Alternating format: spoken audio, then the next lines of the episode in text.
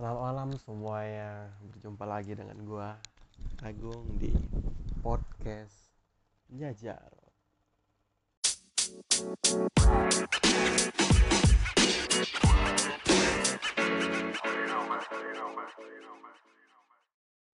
Yo yo yo yo yo. Seperti biasa kita awali dengan kabarnya. Gimana nih kabarnya di era-era new normal new normal bangsat lah new normal. Ya eh, seperti biasa kita mulai dengan awalan kabar bagaimana kabarnya teman-teman semua. Yang pasti semoga baik-baik saja karena apa ya? Karena dunia sedang tidak baik-baik. Dan menurut gua di tahun ini tahun 2020 mungkin ya tahun-tahun yang begitu berat bagi bumi ya karena kita tahu sekarang kita sedang dilanda oleh virus corona. Ini virus nggak hilang-hilang bangsat. Kapan nih hilang? Coba. Anjir anjir. Gua empat bulan loh di rumah. Serius. Nah yang pasti buat teman-teman selalu sehat tetap jaga kesehatannya tetap uh, konsumsi makanan bergizi penuh protein dan berlemak agar tetap sehat. Dan jangan lupa konsumsi vitamin biar tubuhnya tambah fit lagi gitu kan. Ya jadi di episode kali ini gua mau cerita dulu. Udah tiga bulan gua hilang dari dunia podcastan. Dunia podcast. Ya karena itu pertama karena gua gimana ya rasanya? Lagi dilanda musibah ya dilanda pandemi kayak ini. Rasanya harusnya gue tuh harus lebih produktif lagi dalam membuat podcast. Tapi ternyata ya tidak justru gua males sumpah nggak tahu ngapa males. Ya pada dasarnya ya gua kan bikin podcast itu sesuai yang mau gua bahas aja atau tentang keluh kesah gua kan. Ya keluh nggak mungkin dong kalau gua cuman ada keluh kesah gua tentang pandemi ini kan. Semua orang semua orang pasti punya keluh kesah tentang pandemi ini kan. Jadi ya gua nganggepnya ya bukan gua aja yang berkeluh kesah sekarang tapi banyak orang yang berkeluh kesah karena pandemi ini gitu kan. Ya jadi ya udahlah gitu kan. Jadi gua anggap ya biarin aja lah gitu kan. Tapi kalau ngomongin keluh kesah ya mantap nggak tuh bridging ya kan? Kalau ngomongin keluh kesah gua memang nggak ada keluh kesah semenjak pandemi karena apa? Kita semua mengalami hal yang sama. Tapi ada beberapa yang gua keluh yang gua punya keluh kesah yaitu di era new normal terutama di Indonesia di Indonesia itu waktu corona masih baru masuk banget di corona yang kita masih awal-awalnya masih booming dengan namanya lockdown atau apa tuh namanya karantina mandiri itu sepi banget sepi. Terus tingkat populasi udara lebih membaik karena nggak ada kendaraan yang kular kilir di kota maupun di mana-mana gitu kan. Terus semenjak zaman lockdown dulu kalau kita ngelihat awan ngeliat ke angin eh ngeliat ke angin lihat ke langit itu awannya bersih banget. Nggak ada polusinya. Jadi ya langitnya biru awannya ada. Pokoknya enak banget deh dilihat gitu kan. Tapi semenjak new normal waduh yang awalnya sepi adem jalan lengang gitu kan udah kembali seperti biasa lagi ya karena karena new normal. Tapi ini ada tapinya lagi nih. Semenjak new normal di Jakarta itu ada beberapa kota yang mengalami keturunan angka covid atau kasus covid. Nah gua kan tinggal di Palembang. Justru di Palembang dengan adanya new normal satu hari bisa mencapai kasus seribu orang yang positif corona aduh. Semenjak new normal ya orang-orang nganggap remeh gitu kan. Ah ini masih sehari baru seribu belum juga sepuluh ribu. Kan kalau punya pola pikir kayak gitu kan goblok gitu kan. Sumpah itu goblok banget gua benci banget. Terus terang gua selama empat bulan itu nggak keluar sama sekali ya gue sih ya fine fine aja ya selagi koneksi internet di rumah itu baik baik aja ya gue fine fine aja gitu kan. Ya tapi ada orang yang ya bisa kita sebut dengan ekstrovert lah yang bener-bener nggak bisa di rumah gitu harus butuh rekreasi keluar itu pasti stres banget. Dia di rumah aja nggak ada kegiatan ada nggak ada apa-apa itu pasti stres banget gua paham. Gue juga termasuk orang yang kayak gitu yang biasanya keluar keluyuran main nongkrong dan sekarang gua di rumah aja ya itu. Ya gimana ya nggak gini gini gini. Kalau kita nongkrong itu kita pasti dapat sesuatu, sesuatu berita yang nggak kita ketahui atau yang nggak kita tahu. Bener nggak? Bener. Dari tongkrongan itulah kita mendapatkan referensi berita. Ya banyak lah terus kita kan kalau nongkrong kan hobinya bercanda lawak gitu kan. Dari kita canda lawak ngobrol itu kita dapat referensi baru kita dapat jokes jokes baru gitu kan untuk dipakai gitu kan. Ya dicandain. Misalnya kita nongkrong kita dapat jokes baru nanti kita di tongkrongan baru lagi atau tongkrongan lain bisa kita coba tuh jokesnya biar obrolannya makin enak gitu kan. Ya semenjak sekarang tidak ada jokes. Bahkan bukan hanya jokes job pun tidak ada. Pekerjaan tidak ada ya itu karena ya orang-orang di Palembang itu menurut gua masih bandel bandel banget gitu kan. Apalagi waktu CFD kan Car Free Day itu kan. Waduh itu banyak banget orang-orang yang pakai.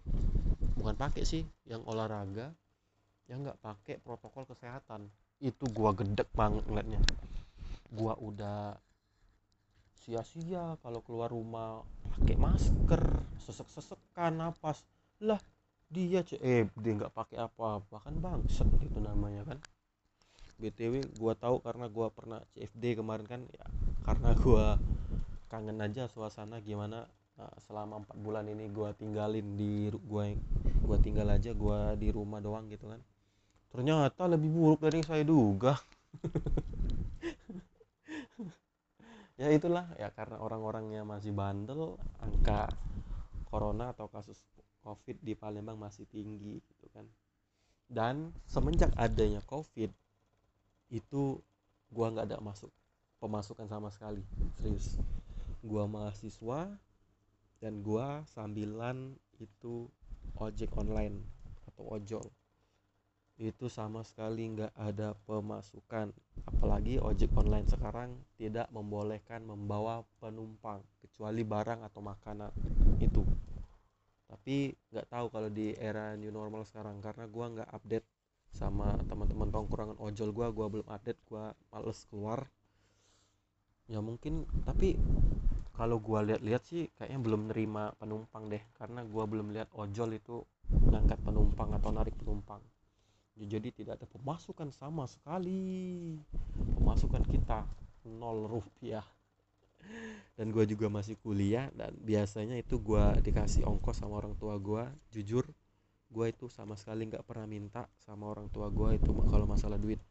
Karena apa ya gue tahu susahnya nyari duit itu gimana. Jadi gue nggak pernah minta kecuali kepepet jadi gue pernah minta tapi kalau dikasih gue terima gitu kan.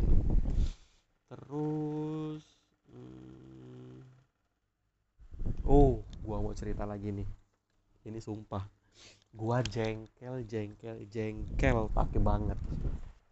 Gua kemalingan bro. Sis. Bro sis. Gua kemalingan bangsat bangsat. Ini nih semenjak corona nggak ada pemasukan. Segala cara itu dilakukan agar bisa mendapatkan pendapatan. Jadi gini nih sebelumnya sebelum corona itu gua uh, sebelum sebelum udah lama lah pokoknya mungkin satu tahun yang lalu gua itu kemalingan dan di rumah gua itu ada CCTV di CCTV ya pokoknya sudut-sudutnya udah pas lah kalau ngeliatin maling gitu kan. Nah jadi gua udah tiga kali kemalingan nih ceritanya. Jadi gue ceritain dulu yang pertama. Jadi yang pertama uh, gua itu kecolongan atau kemalingan ini apa tuh? Spion mobil. Spion mobil bapak gua itu dicopotin dua-duanya gitu kan. Jadi eh, kebetulan itu mobil Toyota lah. Ya pokoknya mobil Toyota. Mobil Toyota spionnya dicopot sekali dua. Ya kita sadar baru pagi harinya. Kok ada yang aneh dari ini mobil? Gua bilang sama bapak gua kan. Ternyata begitu dilihat spionnya hilang. Aduh. Tolong spion iya itu sebelum corona sih sebenarnya ya sebenarnya kampung gue itu udah nggak aman. Makanya itu gue sama bapak gue itu ada obrolan untuk masang CCTV dan naasnya ketika spion itu hilang atau kecolongan atau dipaling dan apa pun namanya itu kita cek di CCTV CCTV-nya mati dong. Karena apa? Karena waktu itu kita belum upgrade CCTV ya jadi CCTV itu bisa di upgrade teman-teman. Bagi yang nggak tahu nah jadi kami itu belum upgrade yang kemarin. Dulu CCTV yang lama atau harddisknya yang lama itu kalau mati lampu dia nggak bisa record. Nah jadi ya itu kita kecolongannya di situ. Jadi begitu kejadian mati lampu padam listrik CCTV nggak nge-record. Ya, jadi kita nggak dapetin hasil apa-apa. Tapi ada tapinya. Gue sama bapak gue udah tahu siapa pelakunya gitu ya. Ya kita orang orang kampung ya pasti tau lah siapa pelakunya. Tapi kita nggak berani menuduh karena tidak ada buktinya. Ya tapi kita udah tahu siapa pelaku. Itu yang pertama. Yang kedua nih yang kedua yang kedua. Ini bangsat banget nih. Yang kedua itu gua kehilangan helm sama sepatu. Itu helm motor. Itu helm yang mereknya KWT tuh KWT KWT dipelesetin dikit dong. Apa apalah helm KWT sama sepatu ya mereknya notebook. Notebook. Ya pokoknya ada book book lah teman-teman pasti tahu apa nah, merek sepatunya kan. Jadi ya nah di kejadian kedua yang ini CCTV nyala hidup. Naasnya kita orang nggak bangun nggak bangun kalau ada suara-suara itu ternyata maling. Nggak bangun gue juga nggak kebangun nggak denger. Dan naasnya yang kedua ini pelakunya bukan yang maling spion kemarin tapi pelaku yang baru. Naasnya dia pakai hoodie. Dia pakai hoodie jadi dia tutupin tuh pakai uh, tudung hoodie-nya. Jadi mukanya sama sekali nggak kelihatan. Tapi dari gerak gerik badannya potongan badannya bentuk badannya gua tahu lagi nih orang siapa. Dan ternyata masih hmm, bukan bukan. Dan ternyata setelah gua selidiki lebih dalam lagi dengan skill intel gua yang nggak nggak seberapa ternyata benar masih orang kampung yang maling.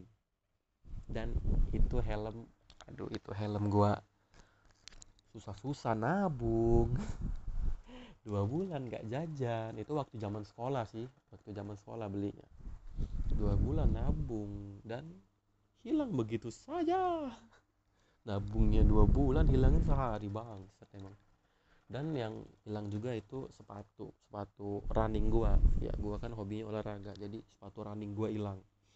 Nah aslinya dari dari banyak sepatu running gua kenapa harus sepatu kesayangan gua yang hilang? Itu bangsat banget memang. Bangsat momen itu anjing lah. Itu sepatu enak banget bor. Sumpah. Itu kalau diangkat itu nggak sampai nggak sampai 5 on beratnya. Pokoknya enteng. Jadi kalau lari tuh enak gitu kan. Itu yang kedua. Hilang helm sama hilang hilang ini apa namanya? Hilang sepatu. Nih yang ketiga. Nah yang satu kedua itu kejadiannya sebelum corona gitu kan nah sekarang ini kejadiannya corona. Mungkin karena tidak ada pemasukan jadinya dia maling. Itu yang pertama. Itu menurut gue yang pertama. Yang kedua mungkin dia iri ngelihat teman-temannya instastory foto dengan sepeda. Mungkin dia nggak mampu beli jadinya maling. Dan gua perhatiin lagi di CCTV naasnya CCTV gua ada empat titik nah yang satu titik ngadep ke belakang rumah tiga titik ngadep ke depan rumah semua atau daerah teras rumah. Satu titik ternyata rusak powernya bermasalah. Jadi yang berfungsi cuma dua titik di area depan.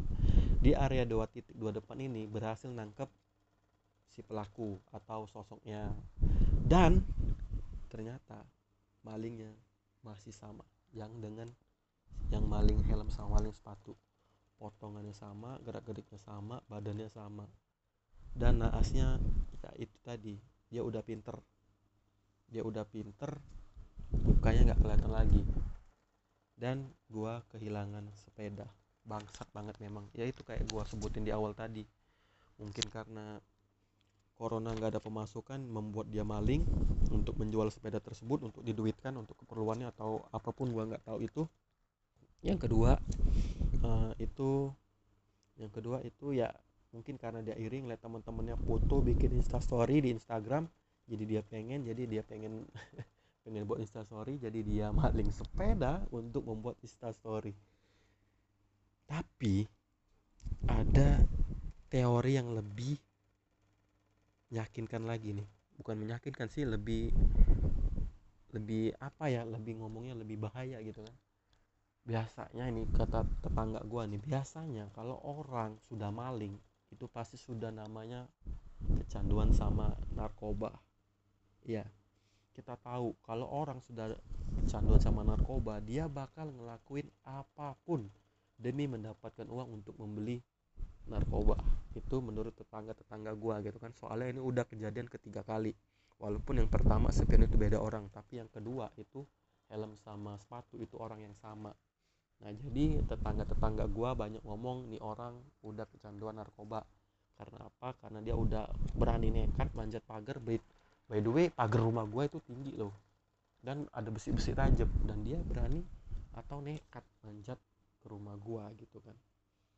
Nah yaitu apa tuh namanya pendapat-pendapat tetangga gua gitu. Ya ada masuk akal juga sih agak relate juga ya karena kita tahu kan namanya kalau orang sudah kecanduan narkoba pasti nyolong sana sini gitu kan. Nah terus ya itu tadi. Nah barusan ini kita orang baru selesai beresin benerin CCTV yang rusak satu titik kemarin ternyata powernya bermasalah jadi dibenerin. Hmm, sudah dibenerin udah beres udah lengkap semuanya. Pokoknya nah ini rencana gua sama teman-teman gua rumah nih teman-teman gua di rumah jadi kita mau mancing di maling lagi gitu kan. Tapi dengan kan mungkin ini udah kehilangan sepeda. Gua takutnya nanti dia beranjak mau ngambil barang lain seperti motor. Btw gua parkir motor itu juga di teras. Tapi di teras itu motornya gua rantai gua gembok. Serius nah jadi gua takutin. Dia ya namanya maling pasti seribu akal dong. Jadi gimana caranya dia pasti harus bisa maling di motor gitu kan nah jadi gua sama temen-temen gua itu udah punya rencana bakalan mancing di maling. Nah kayaknya gua bakal mancing dengan helm. Karena apa? Karena tidak mungkin dong saya harus memancingnya dengan sepeda lagi karena sepeda sekarang sudah sangat mahal. Satu juta saja tidak dapat. Minimal dua juta setengah baru dapat sepeda yang agak bagusan dikit. Jadi gua sama temen gua ini sohib gua banget. Jadi gua mau mancing ini maling pakai helm aja nanti adalah nanti pak pancing gitu kan. Terus uh, btw maaf ya kalau ada suara noise noise berisik gitu kan. Noise noise kipas ya karena gua tidak tahan dengan AC ya, sumpah gua nggak tahan sama sama AC mendingan gua kipasan doang. Nah jadi kita hmm, ada beberapa pesan untuk teman-teman juga. Jadi pesannya ya selalu waspada gitu kan. Lebih baik mencegah daripada mengobati kalau kata-kata orang gitu kan. Jadi tetap waspada dengan kejadian atau lingkungan sekitar kita dan dibikin uh, setiap pengalaman itu adalah ilmu yang paling berharga. Jadi setiap kejadian itu diambil hikmahnya. Jadi ya itu tadi setiap kejadian itu pasti ada hikmahnya. Ya mungkin dari gua kehilangan ini uh, hikmahnya gua mungkin kurang sedekah sama teman-teman gua atau berbagi sama teman-teman gua atau gua ada salah gitu kan. Jadi ditegor sama yang atas. Jadi sebenarnya gua udah ikhlas itu sepeda diambil. Bodoh amat udah ikhlas pokoknya. Tapi uh, gua lebih ikhlas lagi kalau tuh sepeda bener-bener dipakai untuk hal yang positif ya. Gua ikhlas kalau tuh sepeda dipakai untuk olahraga. Gua ikhlas itu untuk kebaikan dia. Yang gua nggak ikhlas kalau tuh sepeda dibikin jadi hal yang nggak positif. Contoh dijual dan dapat uang dan uangnya dinarkobain atau dibeliin obat-obatan kayak gitu. Gua seumur umur nggak bakal ikhlas kalau dia ngelakuin manfaatin barang gua demi hal yang negatif. Gua nggak bakal ikhlas. Sumpah nggak ikhlas banget gua. Ya, jadi ya pesan moralnya ya tetap waspada dengan lingkungan sekitar gitu ya teman-teman ya. Ya mungkin ini pelajaran yang ya pelajaran yang ke beberapa yang gue dapetin ya. Ya mungkin itu aja uh, di episode kali ini yang bisa gue sampein. Btw ini sudah episode ke-12 karena gue libur tiga bulan ke podcast seharusnya ini udah banyak nih podcastnya. Jadi sekarang masih episode ke-12 gitu kan. Dan jangan lupa bagi teman-teman yang punya Spotify atau Apple Podcast di follow uh, podcastnya Jarod biar tahu misalnya gua udah update lagi gitu kan. Uh, ada episode baru. Jadi teman-teman bisa cepat dengerin ya. Yang punya Spotify atau ngedengerin gua di Anchor di Google Podcast atau Apple Podcast bisa di follow ya. Bantu-bantu gua lah sekalian nggak apa-apa hitung-hitung bantu. Ya mungkin aja itu dari gua. Ah satu lagi. Hampir gua lupa. Bagi teman-teman yang punya cerita nih punya cerita horor atau cerita apa pun pengalaman yang bisa di share atau dibagiin bisa kirim uh, ceritanya di email gua di Muhammad Agung Sefriandi at gmail.com Muhammad double M Agung Sefriandi S E F R I A N D I I I-nya double, Sefriandi. Jadi I-nya double, Muhammad Agung Sefriandi at gmail.com. Teman-teman bisa kirim via Gmail atau juga bisa kirim di DM Instagram, bisa DM gua di Agung Jarot 13 DM aja nggak apa-apa. Dan kalau udah ada ceritanya bakal gua ceritain menurut sudut pandang gua. Ya, mungkin itu aja uh, episode kali ini. Dan tetap jaga kesehatan dan jangan lupa makan dengan gizi yang seimbang penuh protein dan karbohidrat dengan konsumsi vitamin agar lebih sehat lagi dan terhindar dari corona. Gua Agung selamat malam dan sumpah. Gua jengkel banget bangsat bangsat. Udah ketiga tiga kali nih kecolongan ya. Aduh biasanya kalau udah tiga kali nih biasanya yang keempat ini bakal dapat piring cantik nih. Sumpah lo itu malah sepeda baru gua benerin habis ratusan ribu. Eh hilang bangsat bangsat